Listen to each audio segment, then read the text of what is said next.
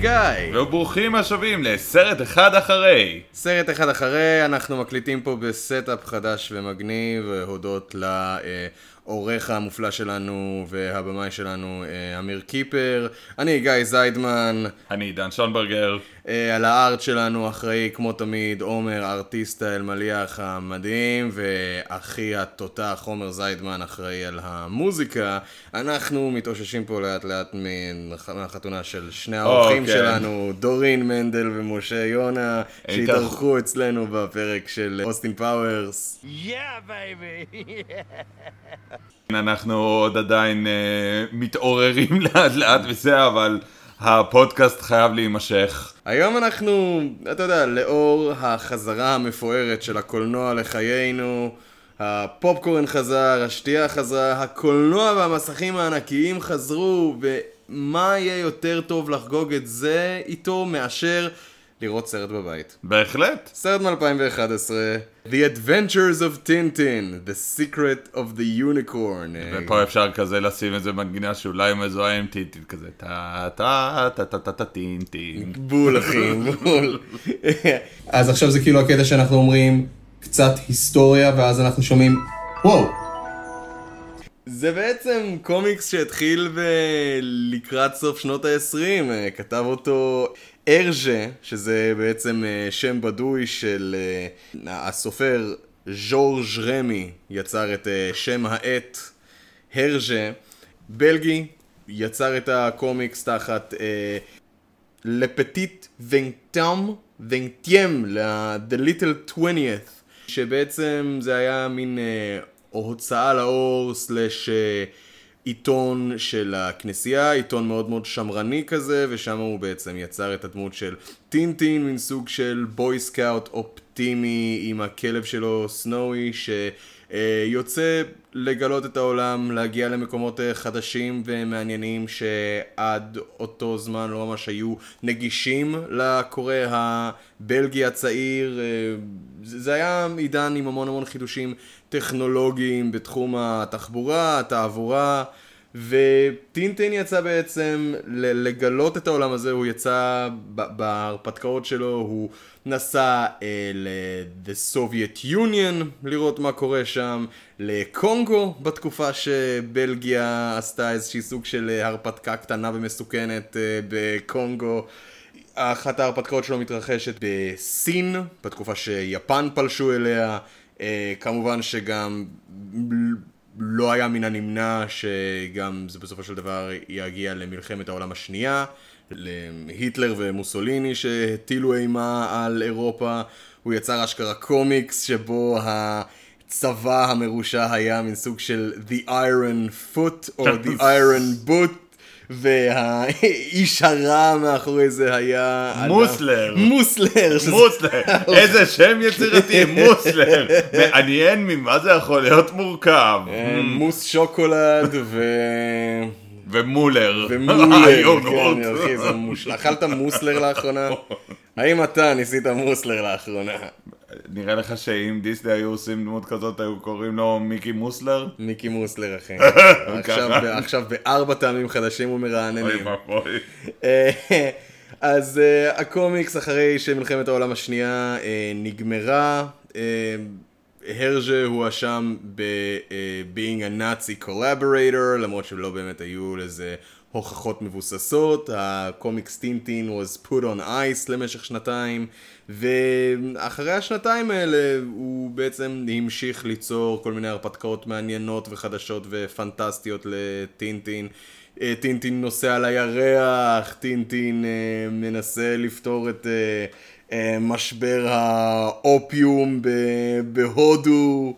קומיקס שהתחיל באופן מאוד גזעני קצת, כי אף אחד לא ממש ידע איך אנשים בקונגו נראים או מתנהלים או זה, והכל פשוט היה מושתת על prejudice. ולאט לאט מסיפור לסיפור אה, הוא למד יותר ופתח את עצמו יותר לגלות את הסיפורים האישיים. ועכשיו, לא, לא עכשיו, לפני עשר שנים בדיוק, יצא סרט.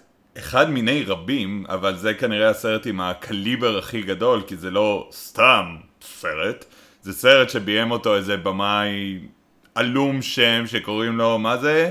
סטפן? סטפן ספ- ספלברג, משהו כזה. הוא יהודי? זה נשמע יהודי. יש סיכוי שאתה יהודי המניאק? תביא רגע לראות את האף שלך. במקרה שלו זה גם נכון, אבל רק במקרה שלו. יחד איתו שיתפו פעולה עוד כמה ענקים בתעשייה כמו פיטר ג'קסון שמוכר מהסרט של... פאנק של סטים פאנק. לפרצוף, לא, איך קראו. לסרט הזה עם ה... The Mortal Engines. Mortal Engines, שכחתי, לא משנה, ראינו את זה יחסית לא מזמן. כן, וגם פרויקט קטן וצנוע שנקרא שר הטבעות. מעולם לא שמעתי על זה. אוקיי. ועל התסריט אה, עבד בין היתר אדגר רייט. Baby Driver, סקוט פילגרים נגד העולם, hot fuzz, Shaun of the Dead. גאון בכל מה שקשור לבימוי מגניב, ומסתבר גם שהוא תסריטאי לא רע בכלל. אה, כן, למען האמת הוא. היה איזה סיפור עם אנטמן, מניח שאתה שמעת על זה, כן, די רייט... בעטו אותו מהפרויקט הזה בגלל שהוא אה, לא רצה לשתף פעולה יותר מדי עם כל העניין של היקום המורחב, או שאולי לא, אני טועה? לא, הפרטים הם קצת פאזיים, אף אחד לא יותר מדי אה, דיבר על למה הוא פוטר. הכי קרוב לזה זה באיזשהו ראיון אדגר רייט אמר אני מאוד הייתי רוצה לעשות סרט של מארוול אבל מארוול לא רוצים לעשות סרט של אדגר רייט.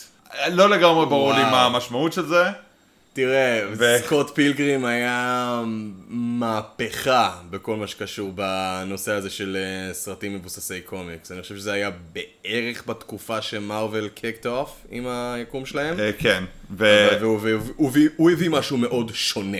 מאוד, והוא גם כשל בקופות, שזה מבאס מאוד. אני מאוד אוהב את הסרט של סקוט פילגרם, אבל זה, אני יכול להבין למה כל מיני אקזקיוטיבס יהססו להעסיק בן אדם שהפיק סרט כל כך יקר שלא השיב את העלות שלו.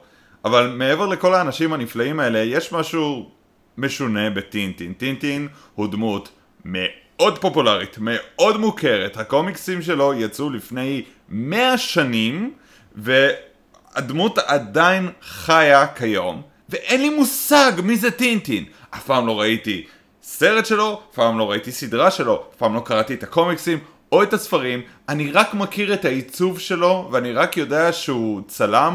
במשך הרבה זמן חשבתי שטינטין ודני דין זה אותו סיפור. גדול. באמת לא הבנתי, כאילו, זה העיתונאי שיכול להיות בלתי נראה. אגב, גם דני דין אף פעם לא ראיתי, אני מעבר לשיר של אני- דנה אני- אני אינטרנשיונל. חושב שזה בגלל שהוא בלתי נראה. אני חושב אה, שלא ראית אותו בגלל שהוא בלתי הגיוני, נראה. הגיוני מאוד. אין לי מושג מי זה טינטין, מה זה טינטין, ניסיתי לעשות טיפה מחקר, ראינו איזה דוקומנטרי של 40 דקות פחות או יותר על הדמות, ואני עדיין לא הבנתי, אוקיי, אבל מה ה appeal? גם משהו בעיצוב של הדמות הזה קצת, אולי זה יותר הטעם שלי, אבל תמיד יש לו פרצוף כזה של פליאה. כן. תמידי, זה הוא. מאוד- הוא הוא מאוד מאוד מופתע ממה שקורה סביבו. הוא basically, אם ג'יימס בונד, לפני שהיה ג'יימס בונד, בגלל שיש המון אלמנטים של אספיונאז' ושל אה, ב- בילוש שם, אם הוא היה boy scout עם מבט מופתע, תמימות מאוד מאוד גדולה, וראש שנראה כמו גביע גלידה. משהו כזה. כן. אה, אני לא יודע, אני כן יודע שיש דמות משנה שהוא אה, קפטן של ספינה, קפטן הדוק. הדוק. כן, שנראה כאילו תמיד יש לו כאב ראש תמידי, כנראה. וכנראה בגלל זה קוראים לו הדוק. ול- ואיך קוראים למדען? קלקולס? משהו כזה? פרופסור קלקולס, כן. קלקולס. והיו שם את הבלשים, אה, תומפסון ותומפסון. טום. נשמע כמו משרד לעורכי דין יותר. תומפסון ותומפסון. Not related.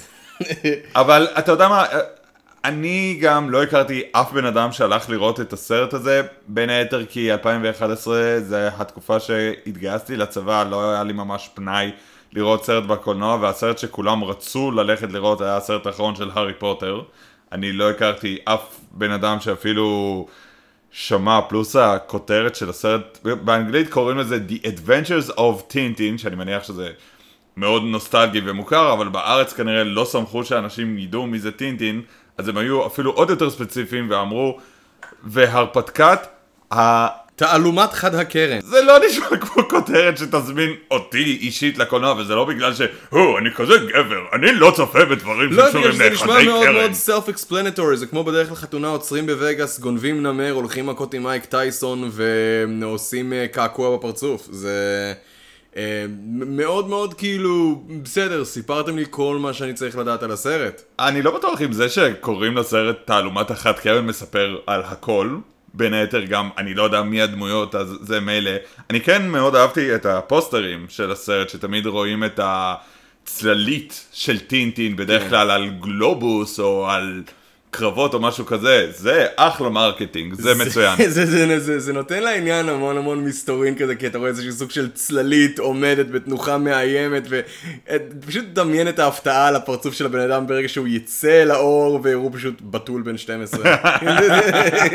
עומד שם אני הייתי- עם הכלב המאפן שלו. אני הייתי יותר מופתע אם הוא היה בן 12 ולא היה בתול, אז זה היה מעלה בעיניי אחי, הרבה אתה שאלות. ראית ילדים בני 12 בבלגיה, הם מזיינים. כל. אחד מהם מזיין, אחי. דוקטור איבל, דוקטור איבל בבלגיה בתור ילד עשה שם את הספתח הגדול שלו בגיל 12. על מה אתה מדבר? My childhood was typical. אה, שלום שוטרים, מה אתם עושים פה? לא, לא, לא, לא דיברנו על שום דבר מסוכן, למה אתם שואלים? קצת אה, עובדות אה, יבשות על הסרט ועל אה, כמות הכסף שהוא עשה. התקציב של הסרט הזה עומד על בערך 135 מיליון דולר בקופות הדומסטיק, שאני מניח שזה בעצם בארצות הברית, בגלל שבלגיה מזמן איבדה שליטה על מה שקורה שם. בואו פשוט ניתן את הדבר שלנו לספילברג, הוא יעשה עם זה מה שהוא מבין. ברחבי העולם... כולל, הוא עשה משהו כמו אה, 375 מיליון אאוץ'. דולר.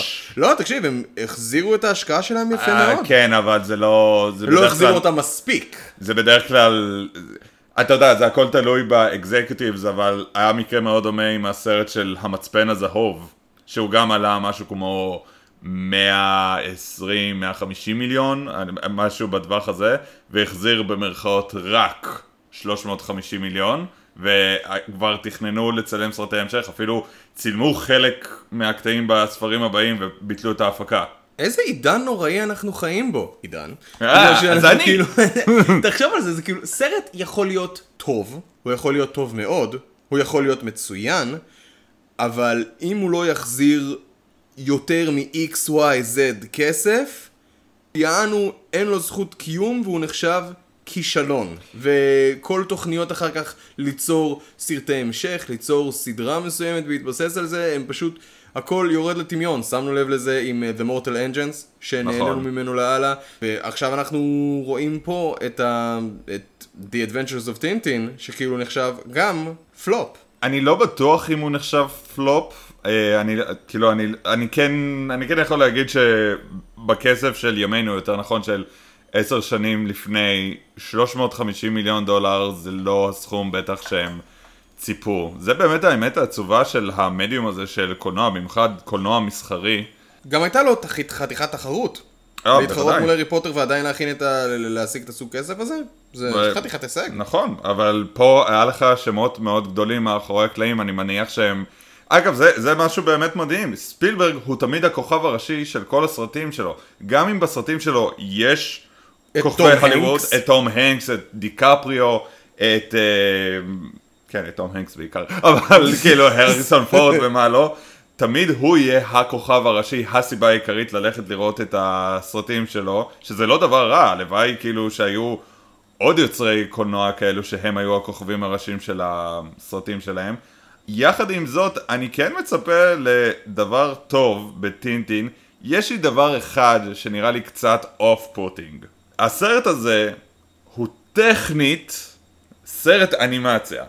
אני אומר טכנית כי הכל שם ממוחשב, אין שם משהו מצולם, אבל יחד עם זאת זה הכל motion capture, ואני לא יודע אם אתה זוכר, אבל היה תקופה שרוברט זמקיס ניתב את כל הקריירה שלו מלעשות סרטים פלאיים ללעשות רק סרטי motion capture מחורבנים. הסרט עם ג'ים קרי וחג המולד, שג'ים קרי משחק את סקרוג' זה אחד מהם. הסרט ביוולף. עם... ביוולף, וגם אה, Orient, לא, סליחה, איך Orient קוראים לזה? אקספרס, אני חושב לא, שזה לא, אור- ספילברג? לא, Orient Express זה ה... לא, אה, זה עם הרכבת. עם. הילד, The Orient Express. לא, Orient Express זה זה התעלומה. The Polar Express. Polar The. Polar Express. כן. שאגב, תום הנקס, אגב מדברים על תום הנקס, הוא עשה שם שבע מהדמויות, כן. כולל הדמות של הילד, הם עשו לו de-aging לכדי ילד בן מדהים. עשר. אבל זה מה שאני לא מבין. ועדיין מדובר בחרא של סרט. לא ראיתי את Polar Express, אז אני לא כמה רוצה להגיד סתם. השקעה, כמה מאמץ. זה משהו שאני לא מבין, כי אם אתה, הם כל כך התגאו שוואו, כמה מדויק זה יכול לעשות את הדברים, איך זה יכול לקלוט את התנועות של השחקנים, אבל זה תמיד נראה קצת אוף, זה לא נראה מספיק כמו אנימציה עם כל החופש שאנימציה אפילו ממוחשבת יכולה לתת לך כצופה, וזה גם לא נראה כמו משהו מצולם, כי תמיד דברים היו קצת... uncanny, תמיד באמצע, והם דאגו לעשות את ה... אני ממש זוכר כשראיתי את בייוולף בקולנוע, שהכל נראה שם כל כך פוטו-ריאליסטי, ווואו, הדמות הממוחשבת הזאת ממש נראית כמו אנג'לינה ג'ולי, ואני חושב לעצמי, למה לא פשוט הבאתם מצלמה? וחסכתם את כל הכאב ראש הנוראי של לשים חיישנים על הגוף שלה, על הפנים שלה, כדי לעשות משהו שיראה ממש כמוה. למה לא פשוט שמתם מצלמה וזהו? רוברט זמקיס עבר להיות מהאדם שביים וכתב את בחזרה לעתיד, שביים את הפלא של... אה, רוג'ר רביט? של רוג'ר רביט, תודה, שכחתי לרגע, את פורסט גאמפ, את Cast Away, ואז הוא הקים חברת אנימציה, בעצם בית הפקות שעשו רק סרטי אנימציה של motion capture, והיא פשטה רגל ב-2012 כש Mars Needs Moms, מאדים צריכים אימהות, כשל בקופות וכולם פוטרו. איך בן אדם עובר מלעשות את בחזרה לעתיד ל... איך זה קורה? ובוא אני עכשיו אני אסגור לך את הפינה הזאת, אני חושב שיש בהוליווד איזשהו עניין ב-20 שנה האחרונות, או אפילו יותר, שהם אומרים, מה אנשים הולכים לראות עכשיו? בואו לא נתעסק ברעיונות פורצי דרך, למרות שהטכנולוגיה אכן פורצת דרך, מה מביא עכשיו אנשים לקולנוע? תראו את פיקסאר, פיקסאר עושים סרטי אנימציה פלאיים, אנחנו גם צריכים חברת אנימציה. אנחנו צריכים חברת אנימציה עם שטיק חדש, עם גימיק משלנו, אנחנו נעשה מושן קפצ'ר, והמושן קפצ'ר הזה יהיה אנימציה כל כך ריאליסטית שאתה אפילו לא תצליח להבין שאתה רואה כרגע אנימציה. וככה מסרט לסרט הם בעצם דשדשו עם זה, ומאוד מאוד ניסו להיאחז בזה של אנחנו הולכים לזיין את דיסני בתחת כרגע, אני מרגיש את זה, אתה מרגיש את זה? אני מרגיש את זה! ומכישלון לכישלון, מה שהביא אותם ל- להפסד הסופי שלהם, זה אשכרה ללכת על הברכיים לדיסני וליצור להם סרט אנימציה. Mars Needs Moms זה סרט של דיסני. נכון, גם, אה, אה, גם הסרט עם ג'ים קרי, של חג המולד. של חג המולד.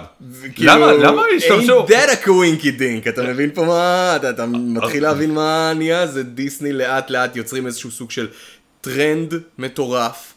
הם נותנים לאולפנים אחרים ליפול אחד אחד בלנסות לחקות את הטרנד הזה, וברגע שהם כבר לא יכולים להמשיך להתחרות, הם בולעים אותם. זה נפלא בעיניי, זה- וזה זה- מזעזע. זה ממש כמו המטאפורה. של Mortal Engines. כן. שהעיר הרי- הגדולה בולעת את העיר הקטנה יותר. אה, ומעבר לזה, הסיבה שפיקסאר כל כך מצליחים והצליחו בעבר, אמנם הם כבר לא ה powerhouse שהם היו פעם, וחבל. כי עדיין לכל סרט פלאי כמו סול, יש להם מכוניות שלוש. שזה חבל, או מונסטרס מספיק. יוניברסיטי. הוגן מספיק. אז הם כבר לא ההימור הבטוח כפי שהם היו פעם, אבל בכל זאת, כשפיקסאר טובים, הם מאוד מאוד טובים, לא רק כי יש להם אנימציה מדהימה, אתה יודע, זה נהדר, אבל מעבר לזה, יש להם את הכתיבה הכי טובה בהוליווד. זה הסיבה שהקהל המשיך להגיע. זה שזה היה אנימציה ממוחשבת ב-95, היה אחלה, אבל אם זה היה רק זה, הם לא היו מחזיקים מעמד, הם החזיקו מעמד כי הם ממש דאגו לספר סיפור טוב. אני אומר את כל זה כשאני יודע שא' בטינטין רוברט זמקיס לא מעורב, ואני כן מבין למה הם עשו פה מושן קפצ'ר מהמחשבה של העיצוב של הדמויות הוא מאוד אייקוני. בתור בן אדם שלא מכיר את טינטין, אני יודע לזהות את טינטין ממרחק שנות תוך אור. שנייה. כן, אז זה באמת לדמות קומיקס הרבה יותר טוב לעשות סרט אנימציה. אם אני לא טועה, זה בעצם סרט אנימציה הראשון ואולי יחיד בעצם שספילברג ביים. היה לו את מחלקת האנימציה של DreamWorks, שהיה שם את שרק, את נסיך מצרים, אבל הוא הפיק, הוא לא היה ממש מעורב בעשייה של הסרט. סטיבן ספילברג ביים את נסיך מצרים. לא, הוא לא. זה לא סרט של ספילברג? זה סרט, נסיך מצרים? הוא כן הפיק את זה, כי זה היה תחת הבית הפקה של DreamWorks. מי ביים את נסיך מצרים? זה? זה הקטע, אנימציה בדרך כלל מביימים אנימטורים, אנשים שמבינים את מלאכת האנימציה, במיוחד כשזו אנימציה דו-ממדית של עיפרון, שאתה צריך להיות הרבה יותר דייקן, אני מניח שפשוט ספילברג צבר כל כך הרבה ידע וניסיון עם uh, כל האפקטים הממוחשבים שהוא הביא סרט אחר סרט, שהוא פשוט אמר, טוב, יש לי כל כך הרבה אנימציה ממוחשבת בסרט שלי גם ככה, יאללה, אני אעשה כבר סרט שלם עם זה, אבל אני לא יכול לסמוך על אנימטורים, אני אשים מושן קפצ'ר לשחקנים. מושן קפצ'ר יכול לעבוד, זה משהו שחשוב לי להגיד. תראה את שר הטבעות, תראה אפילו את תאנוס. אבל זה עובד הכי טוב כשזה משולב עם דמויות אמיתיות. נכון. שר הטבעות, גולו משולב עם אלייז'ה ווד ועם uh, שון אוסטין בתור uh, פרודו וסם.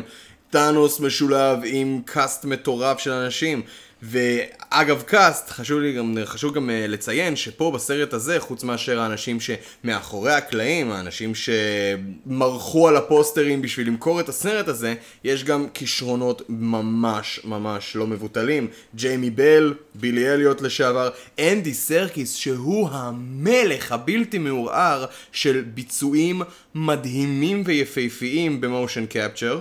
אה, פרט לגולום, קינג קונג, סיזר מטרילוגיית כוכב הקופים של אה, מאט ריבס, אני מאוד מאוד רוצה להפנות אתכם לסרטון קצרצר שלו עושה את אחד המונולוגים הכי ידועים של שייקספיר, ממקבט, Tomorrow and Tomorrow Again, כשהסרט הזה רואים את אנדי סרקיס עצמו בצד אחד של המסך, ובצד השני רואים איזה יצור מפלצתי ב motion capture שביססו לפי הפרצוף של אנדי סרקיס, ורואים את השניים ביחד באופן מסונכרן, וזה פשוט יפהפה לראות כזה אה, שילוב של אנימציה ממוחשבת ושל motion capture עם משחק אמיתי ואותנטי של אה, שחקן. מדובר פה בפלא, אני אפילו לא אדבר על ספר הג'ונגל של אנדי סרקס, שלפי דעתי היה אפילו יותר טוב מהגרסה של, אה, של אה, ג'ון פאברו.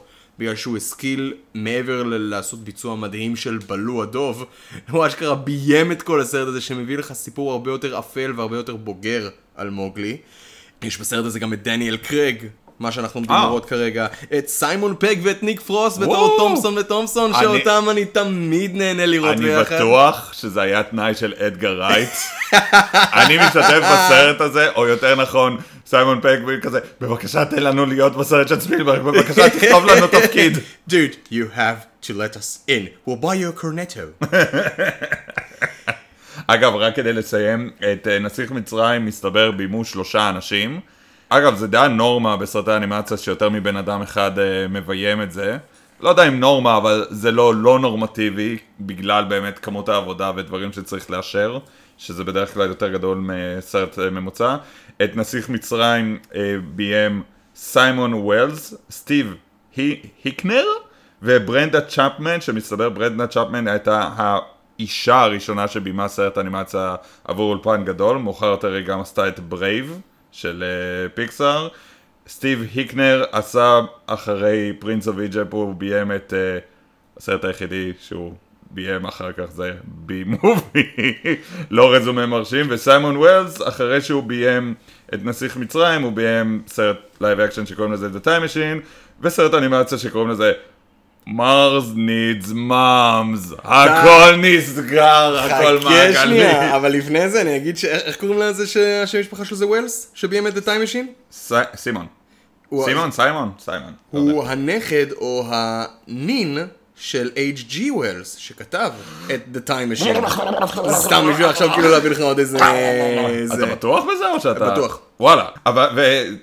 קשה באמת להתרכז על טינטין, א', כי אני לא יודע שום דבר על טינטין, אני לא יודע, כאילו, אני לא יכול... מהדבר הזה שראינו כרגע. כן, אני, לא יכול לשפוט, אני לא יכול לשפוט כזה, האם זה נאמן למקור? אני לא יודע מה המקור. הניסיון היחיד, היחיד, שהיה לי אי פעם עם טינטין, זה היה לראות חבר, שהייתי באיזה כיתה ז' אני חושב, היה לי חבר שהיה לו משחק מחשב של טינטין, שהוא כל הזמן נפסל בשלב הראשון, כי אף אחד מאיתנו לא הבין מה צריך לעשות, ואני ממש זוכר, והסיבה היחידה שאני זוכר את הדבר האבסקיור הזה, כי יצא לי משפט שאפשר להגיד רק בזמן שמשחקים משחקי מחשב. נשאר לך רק חיים אחד. אחר כך, אחר כך אדגר רייט עשה על זה איזשהו סוג של פרפרזה. סקוט, what are you doing? getting a life. כן. טינג לוקח לב כזה, שזה מדהים. הניסיון שלי עם טינטין גם לא כזה רחב, ידעתי שיש קומיקס. הייתה סדרה מצוירת בזמנו ששודרה בערוץ 2, RIP תל עד, ופשוט ידעתי שהיא קיימת, ידעתי שהיא... והיא פשוט...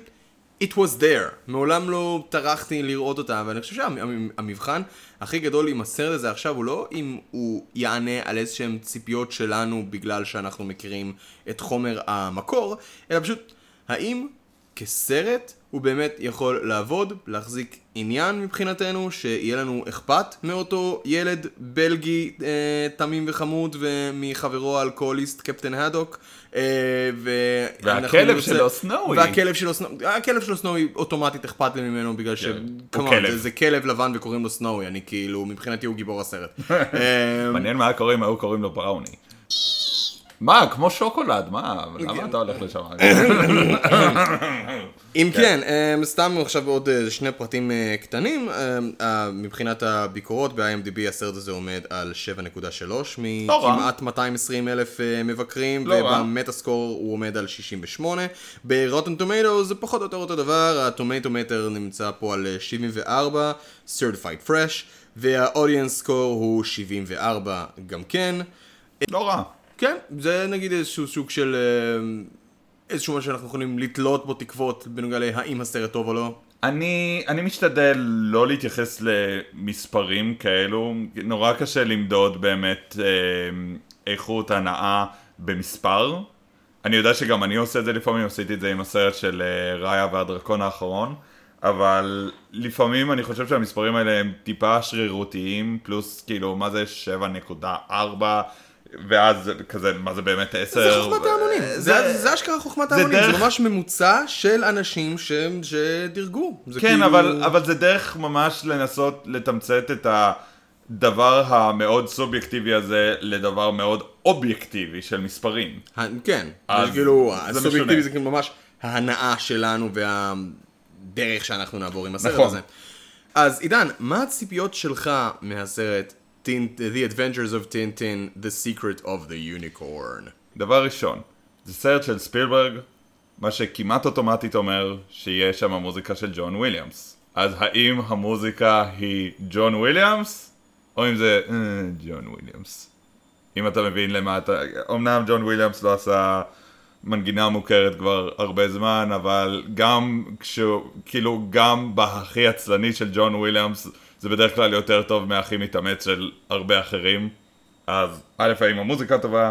ב', האם האנימציה תסיח לי את הדעת? האם אני אשים לב ל motion capture, או האם אני אצליח להיסחף בכל הדבר הזה? והאם אני אוכל לחוש את התחושה הזאת של סרטי אינדיאנה ג'ונס, של פשוט הרפתקה, הומור, אקשן? גיא, מה הציפיות שלך מהסרט של טינטין של 2011? אני מצפה מעל הכל למשהו שיהיה כתוב טוב, לסיפור עם התחלה, אמצע וסוף, שגם ישכנעו אותי ושגם יסחפו אותי, בגלל שהרז'ה, despite הטון הלעיתים שהיה יכול להתפרש כגזעני של הקומיקסים שלו, הוא כן ידע לכתוב סיפורים מאוד מאוד יפים שסחפו מיליונים.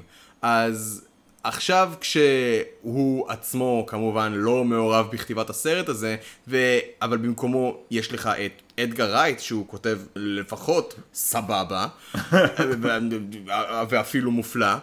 אני הייתי רוצה לראות האם באמת הסיפור של הסרט יעבוד לי, ואתה יודע, לא למרות כל האנימציה הממוחשבת, אלא ביחד עם זה. מעניין מאוד. אז עכשיו, without further ado, אנחנו הולכים להפעיל את הנטפליקס, ידידנו הוותיק, ולצפות ב-The Adventures of Tintin, The Secret of the Unicorn. שאלה, אם קוראים לו טינטין, אז הוא בעצם 20? יאללה ביי!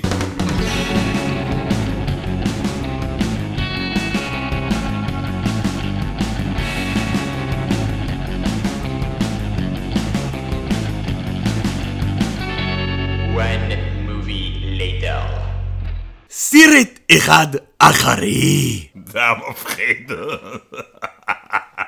צפינו בסרט של טינטין. The Adventures of Tintin, Secret of the Unicorn. אה, אוקיי.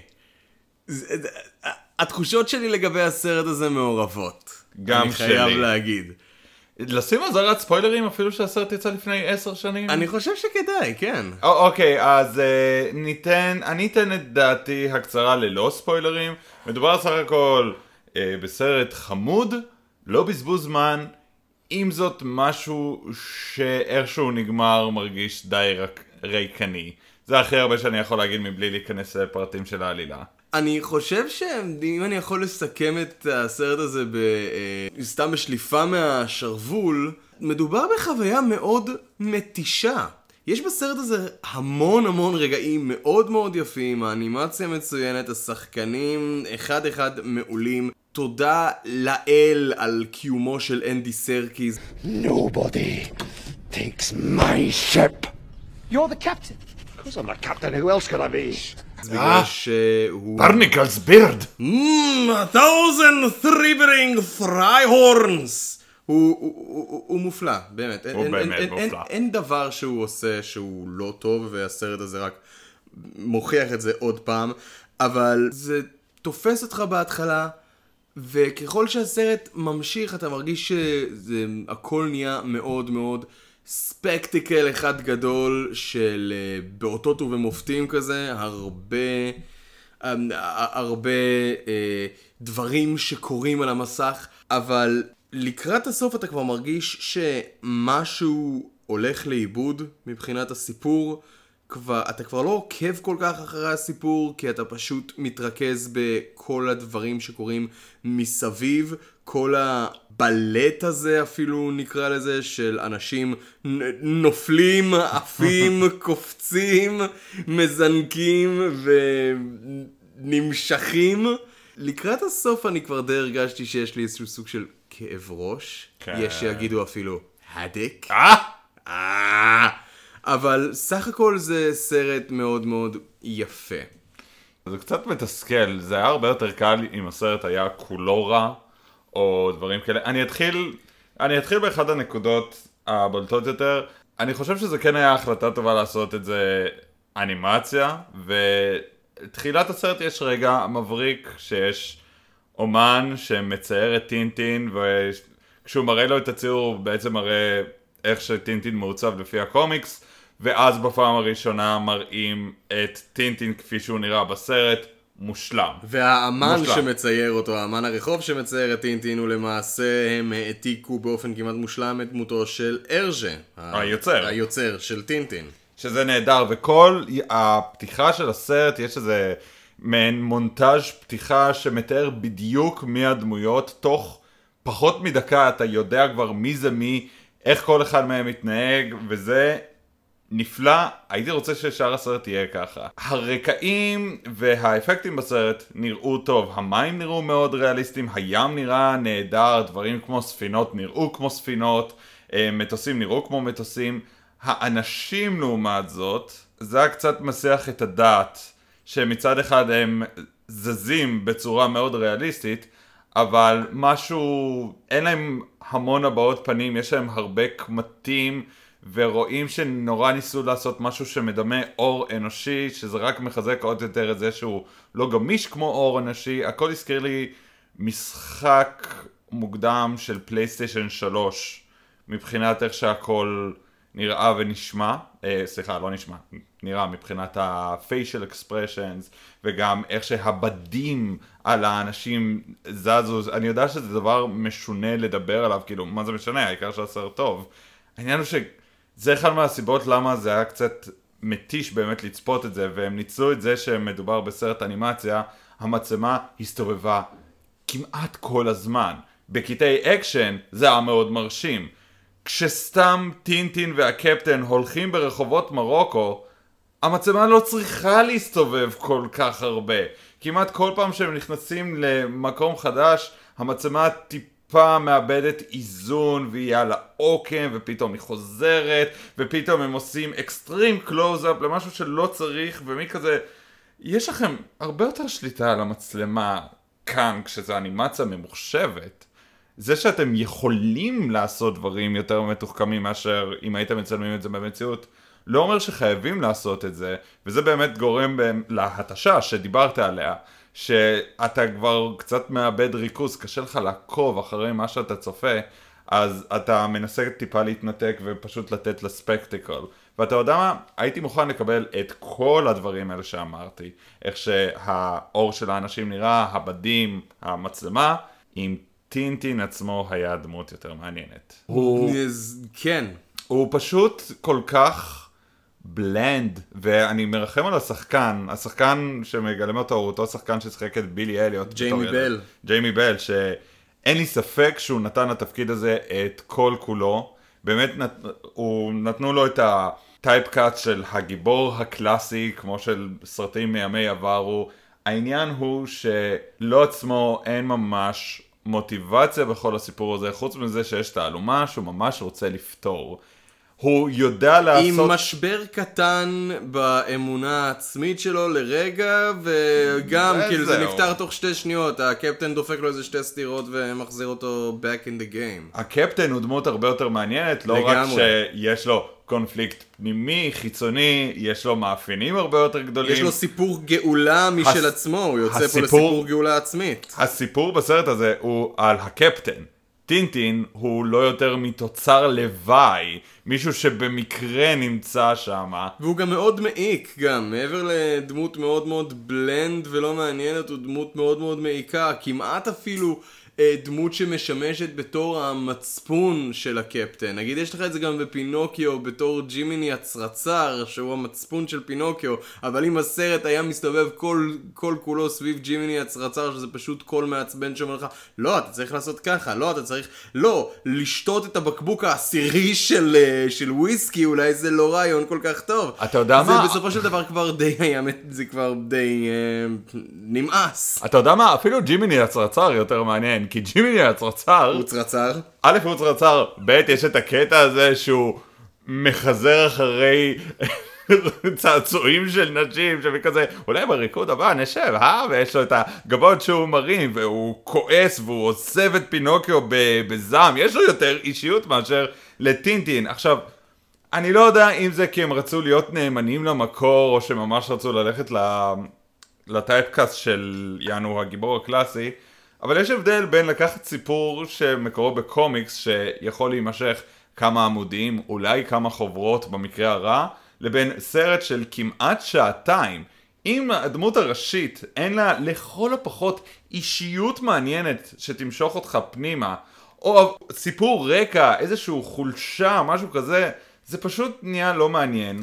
הוא, אני, אני מרגיש שבאופן מסוים טינטין פה מאוד אמור לייצג את הצופה במין סוג של...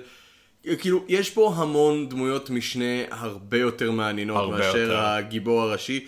תומפסון וטומפסון, אה, ניק אה, פרוסט וסיימון פג, אה, שעושים עבודה מצוינת בתור צמד כמו תמיד. אה, האמת היא שזה מצחיק, אה, סת' רוגן אמר משהו מעניין על זה כשהוא שיחק את פומבה לצד הבן אדם שמשחק את אה, טימון בחידוש של Lion King, הוא אמר, תמיד יש משהו מאוד מצחיק וכיפי בשתי דמויות מטומטמות, שכל אחת מהן חושבת שהיא יותר חכמה מחברתה. ופה זה הם מציגים את זה באופן מושלם, הם עושים עבודה מצוינת. השחקן של הקלפטומן הזה, שהוא אשכרה זה שמוביל את שני הלא יוצלחים האלה אל טינטין בקצה השני של העולם, הוא גם דמות מקסימה. דניאל קרג בתור אה, נבל, איך קראו לה נבל? איך קראו לאיש לא הרע? זוכר. זה, הוא, הוא עשה, אני לא, זוכר, אני לא זוכר את השם שלו, אבל הוא גם עשה עבודה מצוינת, ולכמה רגעים זה נשמע כאילו הוא לא באמת דניאל קרייג, הוא מצליח לתת לו איזשהו סוג של נכון. קול אה, של, אה, של נבל מנוול כזה מסרט מצויר, אבל עדיין בלי להישמע יותר מדי מוגזם. וכמובן אנדי סרקיס, וכמובן, וכמובן סנואי הכלב, סנואי שכאילו, הכלב. הגיבור האמיתי של הסרט הזה. אז בין כל הדמויות המשנה האלה, אה, יש לך straight man, שהוא למעשה טינטין, ששוחה בים של דמויות, שכל אחת מהן מגוחכת וגרוטסקית ומטופשת במרכאות יותר מהשנייה, והוא באמת אמור אה, לייצג את הצופה. גם בקומיקס וגם בסרט הזה, בגלל שהם כאילו, גם כשראינו את הדוקומנטרי הזה על טינטין, תמיד כאילו הסבירו שהוא למעשה יש בו הרבה יותר בגרות ומצפון, והוא יותר יעיל מכל שאר הדמויות המבוגרות האלה. אז אני חושב שבקומיקס זה היה אמור לעבוד אולי הרבה יותר טוב, שכאילו הילד רואה ואומר, אה, המבוגרים האלה שכביכול כל הזמן אומרים לי מה לעשות וחושבים, וחושבים שכאילו הם מנהלים את העולם, הם בעצם... they're morons! כאילו, אני לא צריך להקשיב לבן אדם רק בגלל שהוא מבוגר, זה כן, אני גם צריך איזשהו סאבטקסט במה שהוא אומר. אה, ופה בתור סרט זה פשוט מרגיש כאילו... אולי בשביל ילדים זה עובד יותר, הבעיה היא שהסרט הזה... לא באמת מיועד לילדים. ככל שהוא מתקדם יותר אתה רואה שם דברים כמו טבק, סיגריות, אה, סיגרים, ים באלכוהול, דם, דברים מפחידים, אה, דברים אפלים גם, ואתה כאילו חושב לעצמך, הם, הם, הם עשו גרסה עברית לסרט הזה.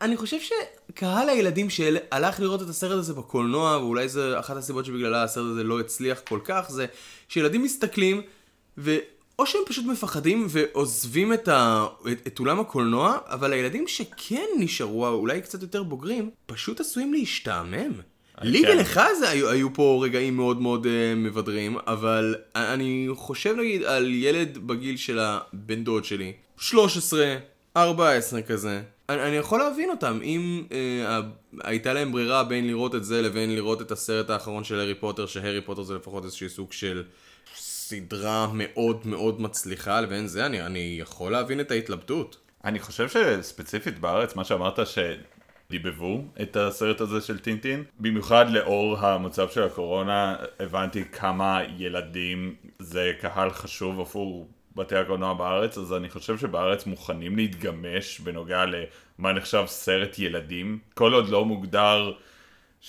שהוא בהכרח לא סרט לילדים, בתי הקולנוע יתגמשו, ידבבו ויביאו כל דבר שיכול להביא את ההורים ואת כל הילדים שלהם לקולנוע. אה, והם גם יעשו, את-. הם יעשו יותר הקרנות בעברית גם. גם זה נכון, מה, תראה- אותו דבר עם סרט בטמן לגו? ב- נכון, לגו באטמן לא יצא באנגלית ב- בארץ בכלל. תתביישו לכם! ועזוב את זה, אתה זוכר את, ה- את הסרט של משפחת סימפסון? בגרסה מדובבת. גרסה מדובבת. זה סרט ממש- שהוא PG-13 על כל הגדרה, הסרט הזה לא מיועד לילדים, וכן, אני יודע שילדים הולכים לראות סרטים שהם PG-13, כמו איירון מן או ספיידרמן, דברים כאלה, אבל הנה הבדל חשוב, בגלל שזה אנימציה, זה לילדים, די די די, אפילו שמשפחת סימפסון זה franchise שהיה קיים עד לאותה תקופה יותר מ-20 שנה, וכולם ידעו שזה לא משהו שמיועד לילדים. יש כאילו קטעי עירום ובדיחות שבכלל לא מתאימות לילדים, איזה מין ילד ייהנה מזה? מרג' ו... והילדים בדרך לכנסייה, הדרשה כבר התחילה, והם מדברים בינם לבין עצמם, והם אומרים, אוף, אנחנו מאחרים שוב, ועומר אומר, and I shit you not, ככה זה הוקלט, וככה זה שודר, וככה זה הוקרן. עזבי אותם, הם כולם עסוקים במילא בלהתפלל לאל המזוין שלהם. מזוין! מזוין. כי אני זוכר I שורה shit אחרת, you not. אני זוכר שורה אחרת בסרט, כאילו כל הסרט מתעסק על החזיר שהומר מציל ממסעדה כלשהי, שהחזיר הוא מסקוט של מסעדה, אז איך מראים לקהל הישראלי שחזיר הוא הסמל של המסעדה? ממש הכניסו שורה, ברוכים הבאים למסעדה הלא כשרה של קרסי הליצן. כאילו ילדים פשוט לא יוכלו להכיל, מה? חזיר? אוי, לא! אוכלים? מוחותינו השבריריים! לא! זה יותר מדי בשבילנו! למה אנחנו לא עושים פרק על, על זה? בוא נעשה? פרק על זה. יאללה, בכיף. בשמחה. בכיף, אמ, בחזרה. בחזרה לטינטין. אוקיי, אני אדבר על כמה דברים שכן אהבתי בסרט, דברים שהיו יצירתיים. אוקיי, קודם כל העלילה של הסרט ככה, טינטין קונה דגם של ספינה שהרבה אנשים רוצים את הדגם הזה, כי מתברר מאוחר יותר שבתוך הדגם יש רמז, שצריך לאסוף עוד שני רמזים משני דגמים שונים של אותה ספינה כדי להגיע לאוצר, אבל רק מישהו שהוא אה, משושלת של קפטנים של ספינות יוכל לפענח את הסיסמה, את הצופן שמוצפן בכל שלושת הרמזים יחדיו, זה משהו שמגלים בהדרגה תוך כדי הסרט. שושלת מאוד מיוחדת של קפטנים, שושלת הדוק. בעצם טינטין פשוט קונה ספינה כי זה נראה לו מגניב והוא מכזה היי זה ספינה שאני מכיר אני אקנה את זה ואז מישהו כזה לא אה, אה, אני, אני אקנה את זה ממך יש פה אנשים רעים על איזה אנשים רעים אתה מדבר? "אה, שלום אני איש רע אני, רוצה לקחת ממך לא, את לא, לא, הסרט לא, אני איש רגיל לחלוטין, ולא כן. מאיים לא. בכלל. לא, אה, כן, אני רוצה לקנות ממך את הסירה. אה, מישהו אחר היה פה? אמרתי לו שאני לא זה נותן לא לו את ה... למכירה, אחי. כן, אוקיי, בסדר. טרילי לי, אני אשים את הסירה. מעניין למה הוא רצה את הסירה הזאת. אה, אני יודע למה אני מדבר כל כך הרבה לעצמי, כי אני דמות בקומיקס, ובקומיקס יש את הבלוני מחשבה, בלופ בלופ בלופ, וכרגע אין לי עם מי לדבר חוץ מלכלב שלי, שהוא clearly הדמות הכי טובה בסרט, אבל הוא לא מדבר. מעניין, אה, אתה יודע, בר- ברגעים כאלה שיש לך דמות ש constantly מדברת אל עצמה, בין אם זה בגלל שזה קומיקס, ובין- שזה דמות קומיקס, ובין אם זה בגלל של whatever, אני תוהה לעצמי ברגעים כאלה, האם זה היה יוצא יותר טוב, אם היו שומעים את הדמות מדברת אל עצמה, אבל כאילו דרך מחשבה. אתה מבין למה אני מתכוון? שומעים אותה כאילו ברקע מדברת. שאלה טובה. ואני כאילו, בסרט כזה אני פשוט יכול כאילו לחשוב של, זה, זה בטח רק ירחיק את הילדים, זה, כאילו- זה פשוט יישמע משעמם. אבל- זה פשוט יישמע כמו נרייטינג. לא, ספילברג קלירלי לא ניסה לעשות סרט שמתאים לילדים, הוא עשה סרט שבין היתר יכול להיות לילדים. אין ממש אלימות גרפית בסרט, אה, הוא נורא רצה לשמור את זה PG לכל היותר. אה, כאילו כשתוקעים במישהו סכין הוא לא מדמם, גם כשיורים במישהו. אז מהבחינה הזאת הם נורא שמרו על האלימות הגרפית. כמובן שאין לא שפה, כאילו כל פעם שמישהו רוצה לקלל אז זה אומר ברדנס ברד או משהו כזה.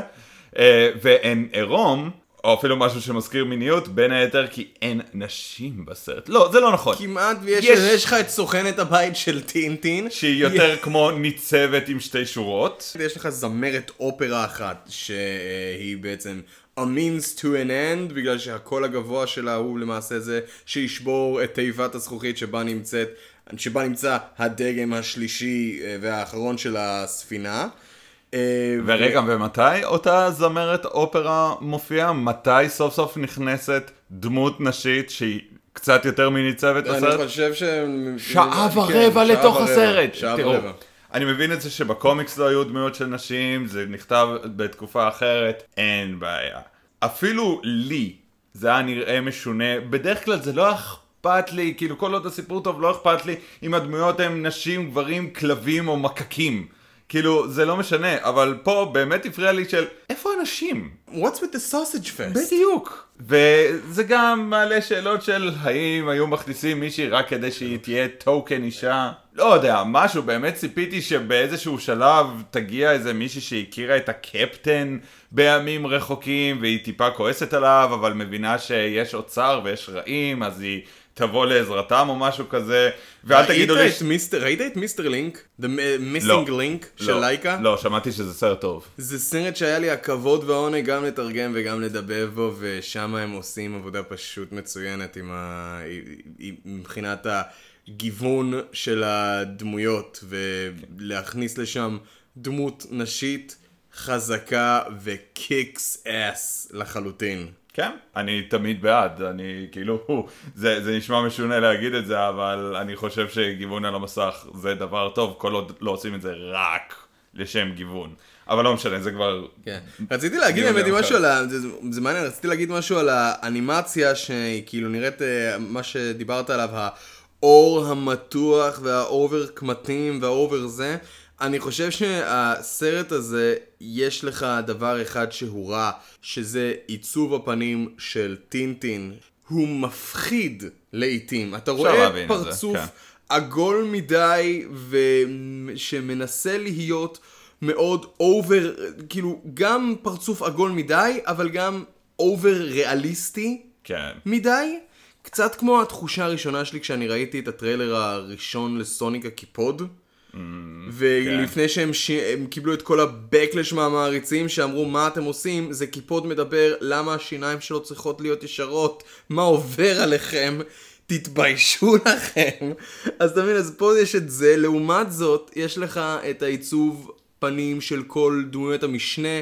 אה, שהן מאוד גרוטסקיות כזה, ופה הסרט גם גואל את עצמו בגלל שאוקיי, מושן קפצ'ר, דוגמת פולר אקספרס, דוגמת on Mars, whatever the fuck, אה, הכל שם, כל הבני האדם נראים שם מציאותיים מדי, שזה כאילו, הא, זה מושן קפצ'ר, הכל ייראה כל כך ריאליסטי, שאתם תשאלו את עצמכם האם זה אנימציה והאם זה לא. לא, פה הסרט משכיל להבין שחומר המקור שלו זה קומיקס בלגי חמוד. וככה גם העיצוב של הדמויות נראה, אתה מסתכל על קפטן הדוק, אתה רואה שזה לא בן אדם אמיתי. לא. האף שלו עגול וגדול מדי, וה... העיניים שלו מוזרות, אה, תומפסון וטומפסון, אתה רואה אותם. וואי, היה איזה קטע אחד שכל כך הצחיק אותי, הייתה איזה סצנת מרדף אחרי קייס אה, באיזשהו שלב מוקדם של הסרט, ואני לא יודע מה עבר על מי שהיה אחראי על תנועה, מה זה, אבל זה כל... אה, זה היה מין סצנה שבה אה, תומפסון וטומפסון רודפים אחרי איזשהו קייס. והוא מנסה לכייס אחד מהם, והארנק של אחד מהם בעצם אה, מחובר באיזה חוט, אה, חוט גומי כזה.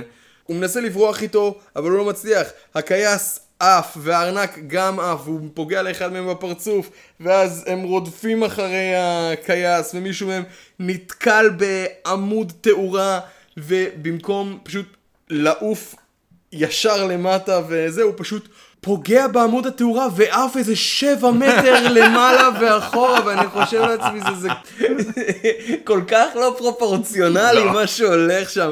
בכלל, יש שם המון המון, אה, כל סצנת אקשן שקורית בסרט הזה, בין אם זה מרדף ובין אם זה קרב, דאם stupid luck משחק תפקיד כל כך גדול בדברים האלה של כאילו, אה, חטפתי מהבאז שאני רדפתי אחריו באופנוע שהתפרק והפך לאיזשהו סוג של אה, אה, אומגה שעכשיו אני מחליק איתה מ- מאיזה הר לכיוון, לכיוון העיר, תפסתי את זה ועכשיו אם אני, אם רק לא יקרה איזשהו משהו דבילי ולא צפוי לחלוטין, אני אשכרה אוכל להשלים את המשימה שלי. לא איזה אה, הר תוקע פלוץ ועכשיו אני עף אחורה ואוי לא, איבדתי את זה, זה, זה כאילו... אני, יכול להעריך, להעריך את זה יותר אם זה היה קורה איזה פעם, פעמיים, כן, אבל שלוש, זה קורה שלוש, וזה קורה. כל הזמן! וכל כך הרבה דברים שם מתפוצצים ומתפרקים ומתרסקים כשאנשים בפנים אבל כאילו הם יוצאים בלי אף פגע. שאתה חושב לעצמך רק בנס אף אחד לא מת! חוץ מהבן אדם שירו בו בהתחלה שניסה להזהיר את טינטין. אף אחד לא מת בסרט הזה והיו שם כל כך הרבה הזדמנויות שזה יקרה. כן. כמה דברים שכן אהבתי בסרט הזה. Um, בסגנון קלאסי של אדגר רייט, אני לא יודע כמה זה היה לו מהעניין הזה, אבל בסרטים של אדגר רייט, אין דבר כזה סתם לעבור מסצנה לסצנה, כל מעבר הוא חשוב. הוא ינסה לטשטש את המעברים ולעשות אותם כמה שיותר סגנוניים. זה קורה הרבה בסקוט פילגרים וגם... בסרטים של הקורנטו כן. טרילוגי אז גם פה, כאילו, יכול להיות שאתה רואה סירה ששטה בים, המצלמה מתרחקת ופתאום רואים שלולית קטנה, הסירה עדיין בתוך השלולית, ואז מישהו דורך על השלולית, ועברנו לסצנה חדשה. שזה יותר כאילו, אתה יודע, אדגר רייט הגיע לפרויקט הזה בתור כותב, אבל כן. אני לא חושב שהיה לו יותר מדי say מבחינת, אה, לא, מבחינה ויזואלית. אני חושב שלא. אמ, אבל זה נורא בסגנון שלו. כן. ופחות בסגנון של ספילברג שפשוט היה עושה מעבר סטייל Movie Maker. יש כל כך לא, הרבה כאלה תראה. באינדיאנה ג'ונס תראה, עכשיו אנחנו. צוחקים עליהם, כי עכשיו זה ממש קל, אז כשהוא עשה את זה, לא היה לו תוכנות עריכה, אז כן, זה לא, זה היה. זה, אם כבר תוכנות העריכה גנבו מספילברג אה, כן, ומלוקאס. כן. אבל אתה יודע, זה, מעניין שאנחנו באמת מדברים על אה, אינ- אינדיאנה ג'ונס, בגלל שזה באמת הרגיש, באיזושהי נקודה, גם קיפר שם אה, לב לזה, שהיה שם אחת הסצנות שטינטין מתפרץ לכביש, וכמעט דורסות אותו שלוש מכוניות, זה היה... אחד לאחד, אחד מסרטי האינדיאנה ג'ונס, ואני כאילו מסתכל על גם על כל המהלך של הסרט הזה, ויש שם איזשהו משהו, אם הייתי צריך לנחש איזשהו ניחוש מאוד מאוד מרחיק לכת, הייתי אומר שספילברג מאוד מאוד מאוד התגעגע לאינדיאנה ג'ונס. הבין שהוא כבר דפק לעצמו את ההזדמנות אה, עם אינדיאנה ג'ונס בסרט הרביעי, בגלל שהולי שיט מה זה הגועל נפש הזה. ומאוד רצה לעשות איזשהו סרט אינדיאנה ג'ונס הצעיר. ואני חושב שאם הוא לא... אני, אני חושב שהוא פשוט... שזה פשוט לא הלך לו, והוא אמר, טוב, אני אנסה פשוט לעשות את זה עם טינטין. פה יש לי אשכרה דמות שאני יכול לעשות איתה איזשהו סוג של ריבוט של אינדיאנה ג'ונס. אה, תיאוריה מעניינת. אה, כן, היו דברים בסרט הזה שנורא הזכירו את אידיאנה ג'ונס, כאילו, בגלל שזה סרט... אני שונא את ההגדרה הזאת, סרט הרפתקה. כל סיפור, כאילו, הוא הרפתקה. הרפתקה זה נראה לי פשוט מעין שם כללי מדי לאקשן של לאו דווקא... במובן הקלאסי יותר של מערבונים, אני לא יודע אפילו, כאילו סרט הרפתקאות זה בדרך כלל על מישהו שרוצה אוצר או משהו כזה, אבל הרפתקה זה כל כך כללי, כאילו גם ל Tiny Toons בעצם קוראים הרפתקאות של The Tiny Adventures Toons. of אז- Tiny Toons. לא, ה- ההגדרה הזאת מאוד כללית ולקרוא לז'אנר הזה במילה הזאת זה בעייתי, כן. אבל אה, לא משנה, נקרא לזה סרטי הרפתקאות. עוד משהו שעלה לי בזמן של הצפייה בסרט הזה, ב- יותר נכון באחת הסצנות, פשוט הזכירה לי את uh, המשחקים של אנצ'ארטד, יותר נכון כן. את אנצ'ארטד 4, כשהם uh, בורחים מאיזושהי עיר ויש אשכרה איזשהו סוג של מבנה קורס ש... אה, רודף במרכאות אחריהם בזמן שהם רודפים אחרי האיש הרע ומנסים להשיג ממנו את, ה... את המגפין שלו. כן. ו... ובקצה הבניין יש גם טנק כן. שמבצבץ החוצה, התותח שלו מבצבץ החוצה.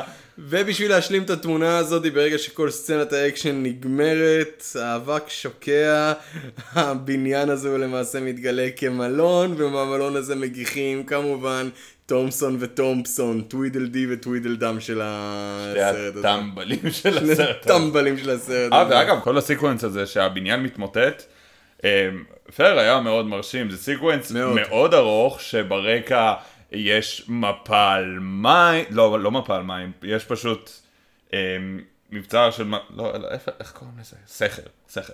סכר, יש סכר של מים. שמתפרץ, והבניין שמתנתק מהמקום, ויש ציפור, והכלב, ונהר באמצע, והרעים, והקפטן, וטינטין על אופנוע, וכל, והמצלמה עוברת מ- לדמות, לדמות, לדמות, לדמות. סצנת אקשן מאוד מרשימה. ומאוד מעייפת. וכן, לצערי כאילו גם מעייפת. כל סצ- סצנות האקשן בסרט הזה, ככל שהן גם מאוד מאוד מרשימות, ושוב, אני, אני לא אומר שהן רעות, אני לא חושב שמדובר בסרט רע, אני חושב שפשוט מדובר בכמה קטעי אקשן מאוד מאוד מרשימים. לדוגמה, הסצנה הזאת, הסצנת פלשבק. שהדוק מדבר על סבא שלו בתור, אה, בימיו בתור אה, צייד פיראטים. זה, כל הסיקוונס הזה הרגיש יותר טוב from the entire Pirates of the Caribbean sequels combined. יש לקפטן, הדוק, יש לו ספק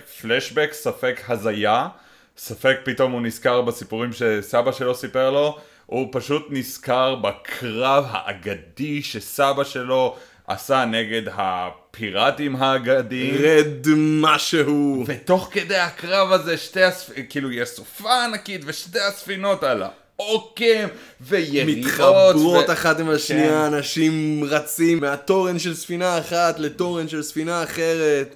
והכל על הצד, וכולם מאבדים אחיזה ושיווי משקל, ווואלה, כן, הקטע הזה לכשעצמו היה סופר מרשים, הצרה היא שא' זה אלמנט סופר הכרחי לעלילה, כאילו פתאום באמצע הסרט אמ, הוא נזכר כביכול במה שסבא שלו סיפר, אבל הוא גם במדבר, אז הוא כביכול. הוזה את כל זה, ואתה צריך פחות או יותר לסמוך עליו שכל מה שהוא מספר אכן קרה. כי על סמך זה טינטין והשאר ימשיכו לפעול. אם כן. מסתבר שזה משהו שהוא אמר, או היה ממציא את זה, אז יש כזה, מה, מה- לעזאזל אני עושה בפתח תקווה? אוי שיט. ובנוסף, אתה חייב גם לזכור שהוא מצליח להגיע ל- אה, לפלשמקים האלה, סלאש הז- הזיכר- הזיכרונות והסיפורים של אבא, של סבא שלו, רק בגלל שהוא או הוזה, או שיכור מהתחת. כן. מה שהופך את הדמות הזאת לבעייתית קצת, בגלל שהוא כאילו, he's only, is he only useful when he's drunk? אה, כן, אבל אתה יודע מה, אני מוכן לקבל את הקווירק הזה. בתור סרט בידורי, כי הסרט הזה הוא קלירלי לא חינוכי, אין טעם אפילו להתייחס אליו בתור משהו חינוכי. שזה מאוד מעניין בגלל שטינטין נועד להיות איזשהו סוג של מוצר חינוכי, אני מניח. מוצר חינוכי שנמצא בידיים של uh, כנופיה של uh, כמרים שמרנים, בסדר, the way back then. אבל בכל זאת, זה כאילו... אה, הוא, אני חושב שמשהו הלך לאיבוד. מה- מהכוונה המקורית כן. של הקומיקס, למרות שאני לא כזה מכיר את הקומיקס. לא, לא אבל כאילו, אם, אם המטרה של הקומיקס הייתה לבדר ותוך כדי בדרך הדלת האחורית להכניס לך איזשהו סוג של ערך חינוכי, אני מרגיש שפה זה מין סוג של, אוקיי, יש לנו את ספילברג, יש לנו את פיטר ג'קסון, יש לנו תקציב של 150 מיליון דולר, ויש לנו מושן קפצ'ר ואנימציה. אנחנו הולכים לאונן על עצמנו ועל כל הקהל באולם. סך הכל אני מבין למה הסרט טיפה underperformed, ולפי מה שקראתי בוויקיפדיה, כן מתכננים סרט המשך, והפעם זה יהיה הפוך, אדגר רייט יביים, וספילברג אה, כביכול רק יפיק. וואלה. לא יודע אם זה יצא לפועל. אתה יודע מה? אם זה אכן המקרה, אני מוכן לתת לזה הרבה יותר סיכוי. הם, בסוף של הסרט אתה רואה שהם ממש בנו על זה שיהיה המשך, כי מין כזה, האם אתה, רוצ, האם אתה צמא להרפתקה? קפטן, תמיד, טין טין, טם טם טם, ואז המצלמה מתרכזת בדמות הכי טובה בסרט, בכלב, כלב סנואי. שפשוט מתרכז בעין שלו, ואז אמרתי בקול, אוקיי, אז כל הסרט הזה היה מנקודת המבט של הכלב, אני מניח. אתה יודע מה, אני הרגע חשבתי על משהו. אוקיי, בערך ב-2008-2010 כזה, זה מתי שכל השטיק של תלת מימד וסרטים אוי. בטכנולוגיית ריל די, תלת מימד, בולשיט כלשהו נכנסו לחיינו, ועכשיו זה שטיק שעוב- שעבד במעט מאוד סרטים, כל כך מעט שאני יכול לספור אותם על כף יד אחת, שניים מהם הם היו אבטאר ואליס בארץ הפלא, הפלאות של אה, לא. טים ברטון הישן, באופן מאוד מאוד חלקי, שלי. באופן מאוד מאוד חלקי. אוקיי. אבטאר צולם במיוחד בטכנולוגיה הזאת.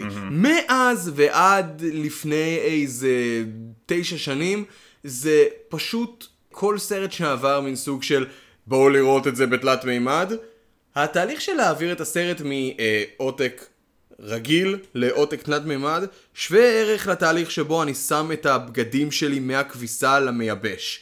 אתה מעביר את זה, אתה לוחץ על כפתור, וזה כל מה שאתה אתה צריך לעשות. אין בזה שום אפקט. אתה, זה פשוט משלים לך את התמונה. אז עכשיו, תאר לעצמך עד כמה שהסרט הזה היה מתיש לפעמים, כל סצנות האקשן שלו, תאר לך אותם כשאתה יושב באולם וצופה בהם בתלת מימד. זה עוד יותר מוסיף לכאב ראש שלך. כן. אגב, התלת מימד הזה שדיברת עליו, גבה מחיר מאוד כבד. ההצלחה של אבטאר גרמה פחות או יותר לכל האולפנים לחשוב שאם אנחנו עושים בלוקבאסטר זה חייב להיות בתלת מימד, וזה אחד מהסיבות למה הסרט של The Last Airbender, כאילו אבטאר של ניקולודיאן, יצא כל כך מחורבן, לא רק שהיה לו במאי שלא הבין מה הוא עשה ו- ותסריט לא טוב, הם חתכו הרבה מהקטעים כי להמיר את הסרט, אתה יודע, מאיך שהוא צולם לתלת מימד, היה הליך מאוד יקר. אז הם פשוט קיצצו בסרט כדי שיהיה להם פחות סרט להמיר לתלת מימד. ואתה יודע וזה מה? הזיק מאוד לסרט. ואתה יודע מה? בגלל זה אני עוד יותר מעריך את כריסטופר נולן. בגלל כשכל אולפן קולנוע נתן איזשהו סוג של הוראה של כל הסרטי ה tentpole שלנו, הסרטים המרכזיים שעתידים להכניס לנו ים בכסף, צריכים להיות בתלת מימד. ואנחנו מסתכלים גם עליך, כריסטופר נולן, ועל מה שאתה מתכנן בשבילנו עם uh, The Dark Knight Rises מ-2012. כריסטופר נולן נעמד על שתי הרגליים האחוריות שלו כמו אריה ואמר להם, No, fuck off. הטכנולוגיה הזאת היא חרא. אני מאמין באיימקס. וזה מה שהוא עשה בעצם עם כל סרט שלו עד היום. הוא קולנוען שיודע טוב מאוד שאם יש איזושהי טכנולוגיה שהיא לא באמת אה, הושלמה ונוצלה עד הסוף, הוא לא הולך להשתמש בה. מעניין. יחד עם זאת, טנט היה מאוד מעייף, אבל... לא, אני אתה יודע אפילו- מה? אני לא נוגע בזה. טנט לא היה. מעייף, אבל לא מעייף כמו הסרט הזה, שהוא, שוב, אה. לא סרט רע, אבל יש בו משהו שכאילו מתיש אותך באיזשהו אופן. אה, אני לא מסכים, אני מעדיף לראות את טינטין מאשר טנ- טנט.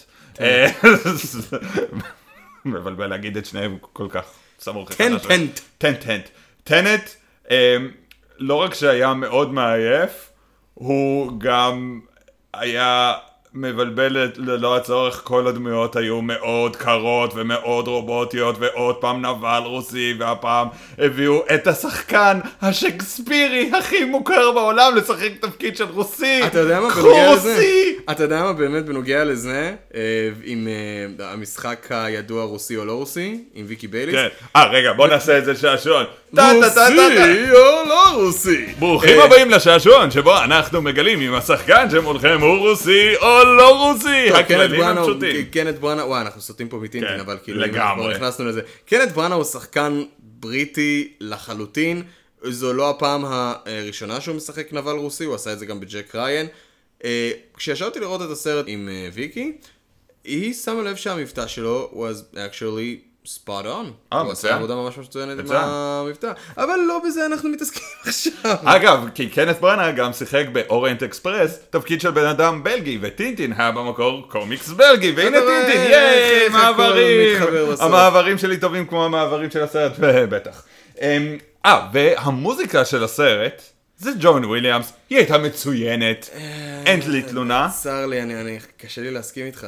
הסבר, נמק נא. אני הרגשתי כאילו אני מקבל פה מג'ון וויליאמס חיקויים חיוורים של דברים שהוא עשה בעבר. אני הרגשתי שאני מקבל צללית של אינדיאנה ג'ונס פה, צללית של Star Wars שם, ולעיתים צללית של... אה, אה, איך קראו לסרט הזה עם דיקפריו, תפוס אותי אם תוכל. שזה כאילו כשזה מגיע כבר ל notes מאוד מאוד playful ומאוד קוואזי צרפתיים כאלה, בלגים כאלה.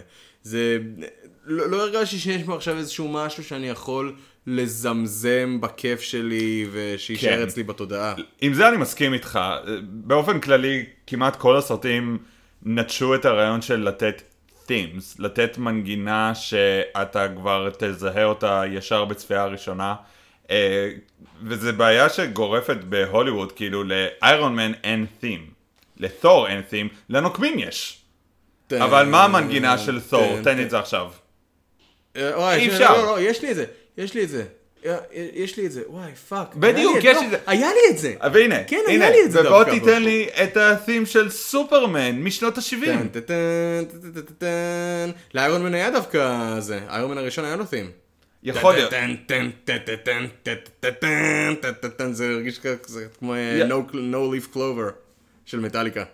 נו, אבל זה לא... כן. אני מדבר על משהו שעושים במיוחד לסרט, אה, מנגינה שמזוהה עם הדמות, עם מוטיף, עם משהו כזה, כמו בהארי פוטר, שאתה ישר מזהה את הטום טום טום טום טום טום טום. זה פשוט משהו שבאופן כללי, הקולנוע לצערי כבר לא עושה יותר, היא מעט מעט יוצאי דופן, וחבל, כי אני חושב שזה משהו שפשוט... אתה יודע, כשאתה רואה סרט אתה מקבל חוויה כל כך עשירה של, אה, של משחק, בימוי, צילום, עריכה ומוזיקה הוא אלמנט כל כך חזק בחוויה הזאת שלצערי פשוט נמוג לאט לאט. אני לא חושב שפסקול רע יכול לגרוע מסרט טוב ואני לא חושב שפסקול טוב יכול להוסיף לסרט רע אבל אני כן חושב שבמקרה הזה של טינטין, אתה יודע, במקרים המסוימים שכן רציתי לשמוע את הפסקול, נהניתי, פתאום שמתי לב איך הוא מוסיף, איך רק המוזיקה מוסיפה לדרמה איפה שקצת בשוטים חסר במקומות כאלו. אמ, ועוד פעם, ג'ון וויליאמס, גם כשהוא בהכי עצלן שלו, הוא עדיין הרבה יותר טוב מ- אמ, מסרטים אחרים, וכמעט כל סרט של ספילברג יש אתה, למנגינה. אתה כן. מחזיר אותי עכשיו לאיזשהו, אני, הייתי לפני איזה שלושה ימים בהצגת בכורה של אה, מחזמר חדש לילדים ונוער, ואני מכיר את המלחין, אה, יותר נכון את המעבד המוזיקלי, ואני כל כך נדהמתי, מ... הוא, הוא לקח שירים של אה, זמר מאוד מאוד מוכר, ועשה להם עיבוד יפהפה ל, אה, ל, לכדי אה, מחזמר, שזר את זה בעלילה. היה מאוד מאוד יפה, ואני כאילו יושב ואני חושב, וואו, בן אדם הזה גאון, כאילו, בן אדם, כל הכבוד לו, ואז אני כאילו מגלה, אה, הוא שואל אנשים, כאילו, זה אומר, הוא, כתב את זה ביומיים, אחי. הוא כתב... אני כולי, אני מאבד את זה על כמה שהבן אדם גאון, הוא פשוט הפליץ את זה מתוך שינה. שזה כאילו באמת אנשים שזה, שיש בהם את ה... יש בהם את המתת, אחי, יש בהם את הקסם. וג'ון וויליאמס יש את זה, אבל אני לא אוהב אותו עצלן. אני לא אוהב את ג'ון וויליאמס. ברור שלא, אף אחד לא. אני לא אוהב את הג'ון וויליאמס שלי עצלן. בסדר, גם, תשמע, אני מוכן לחתוך לו קצת סלק, לא הצלחתי לתרגם את זה. לא משנה, אני מוכן קצת לסלוח לו, בלי להתחשב בזה שהוא עדיין ג'ון fucking וויליאמס, והוא, אה, גם כשהוא עשה את הסרט הזה היה די מבוגר, אז אה, אתה יודע אוקיי. מה, לא כזה אכפת לי. אה. טוב, אז לסיכום, לסיכום, גיא, מה ציפית מהסרט ומה הרגשת שקיבלת? ציפיתי לעלילה טובה ושתרתק אותי ושלא תלך לאיבוד בין כל המושן קפצ'ר והאנימציה וכל הטררם הזה. לצערי הרב לא קיבלתי את זה בגלל שבאיזשהו שלב אני הפסקתי לשים לב לעלילה ופשוט הייתי עסוק ב... שלא תבינו נכון.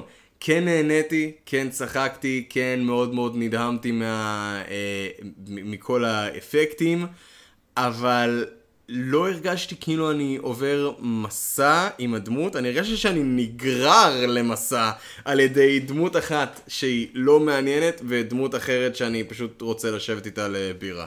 אם לא הייתי כל כך מפחד שהיא תלגום את שלה במכה ואז תגנוב לי את הפיצ'ר. אז אה, לצערי פה לא, הסרט לא ענה על הציפיות שלי. עידן, למה אתה ציפית ומה אתה מרגיש שקיבלת מהרפתקאות טינטין? רציתי לדעת האם האנימציה תסיח את דעתי, ולצערי זה נכון. אפשר להתרגל לזה בשלב מסוים, אבל מ, כבר במידה מסוימת הייתי מעדיף שהם לא יעשו מושן קפצ'ר, שפשוט יעשו אנימציה סטייל DreamWorks, חברה עלומת שם של איזה מפיק מפיק, עלום כן. שם בשם ספילברג, למה הוא פשוט לא עשה את זה. אה, לא. לא, זה, זה, באמת- זה באמת מעניין, כאילו, יש לך פה את ספילברג ויש לו את DreamWorks, למה, הוא לא, לא, למה הוא לא עשה את זה עם DreamWorks? DreamWorks לא היו כלולים בסרט הזה בכלל, היו שבעה אולפנים. DreamWorks הוא לא אחד מהם. ודרימוורקס לא אחד מהם, אני לא יודע אם ספילברג עדיין חלק מדרימוורקס למען האמת. אני יודע שקצנברג כבר לא. שהוא היה אחראי על מחלקת האנימציה שמה. כן. אה, ספילברג, פייר, אני לא יודע, אבל בין אם. כן בין אם לא. רציתי לדעת האם המוזיקה תהיה טובה, התשובה היא כן, היא לא הייתה רעה, אבל היא לא הייתה מהיצירות הכי טובות של ג'ון וויליאמס, ששוב, אין עם זה בעיה, אני אקבל גם ג'ון וויליאמס ביום הכי רע שלו. אה, והייתי רוצה לדעת האם זה יעורר את אותם הרגשות של אה, אינדיאנה ג'ונס, האם זה יהיה הרפתקה. כן, רק שזה משעמם יותר. אינדיאנה, תראה, תראה, זה הקטע עם אינדיאנה ג'ונס. הסרטים האלה לא מושלמים, הם גם התיישנו לא הכי טוב, הם אבל, מטומטמים רצח. אבל, א', הם עשו אותם כשלא היה אפקטים ממוחשבים. כשאתה רואה את זה דרך המחשבה הזאת, אתה שואל את עצמך באמת, רגע, וואו, איך הם עשו את זה?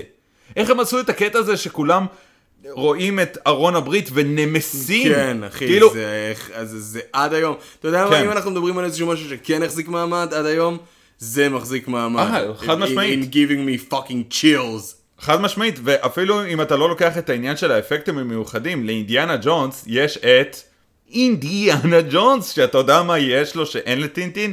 אישיות. אינדיאנה ג'ונס בר השנייה שאתה, שהוא פותח את הפה, אתה כבר יודע מי הוא, מה הוא, מה הוא בעד, מה הוא נגד. ואגב, הוא לא מנסה להיות אחד מהטובים, אינדיאנה ג'ונס מעולם לא נחשב לא. אחד מהטובים, he's a greedy fuck. הוא שרוצה עכשיו את, ה... את הפייצ'ק הבא שלו. כן. הוא גיבור לא מושלם, אני חושב שהוא רוקד סביב הגבול של אנטי גיבור. בעוד שטינטין הוא פשוט אין, אין מה לעשות, פשוט מין נג'ס צדקן כזה, אז... אה, ודבר אחד אחרון, הדבר הכי יצירתי בסרט, הכי הכי יצירתי, אה, טינטין והקפטן והכלב נמצאים על אה, הליקופטר, מטוס, וכן, אתה כבר יודע על מה מדובר, ונגמר להם דלק, אז טינטין צריך שהקפטן ייגש למכל של הדלק וישפוך את הבקבוק אלכוהול, רק שהקפטן הוא אלכוהוליסט, הוא כבר שתה את כל הבקבוק, אבל יש לו פתרון. הוא תוקע גרפס! ארוך, ארוך במכל של הדלק. ואז המכל מלא. זה היה נפלא. זה היה מגעיל, הצטתי את המבט מגורל כשראיתי את זה, אבל זה היה נהדר. אמ, תודה רבה שהצטרפתם אלינו לפרק הזה של אה, טינטין, לפודקאסט של סרט אחד אחרי. את סרט אחד אחרי אפשר למצוא בספוטיפיי, גוגל פודקאסט ואפל פודקאסט. תודה רבה שעשיתם לי כל כך הרבה קשיים כדי להעלות את ה... תוכנית, אתם יכולים למצוא אותנו גם בפייסבוק, מוזמנים לעקוב אחרינו אחר עמוד הפייסבוק, ומוזמנים לעקוב אחרינו בעמוד האינסטגרם שלנו, סרט אחד אחרי, אנחנו גם נמצאים ביוטיוב, מוזמנים אה, לעקוב נכון. אחרינו גם שם. ותודה רבה רבה לאמיר קיפר, שגרם לפרק הזה להישמע הרבה יותר טוב. אמיר, בוא תגיד שלום. בוא תגיד שלום. איזו כריזמה, איזו כריזמה. ותודה רבה לעומר ארטיסטה שנתן לנו את הקאבר המדהים, ותודה רבה לעומר זיידי, הלא הוא אחיך. אני הייתי עידן. אני הייתי גיא. יאללה ביי.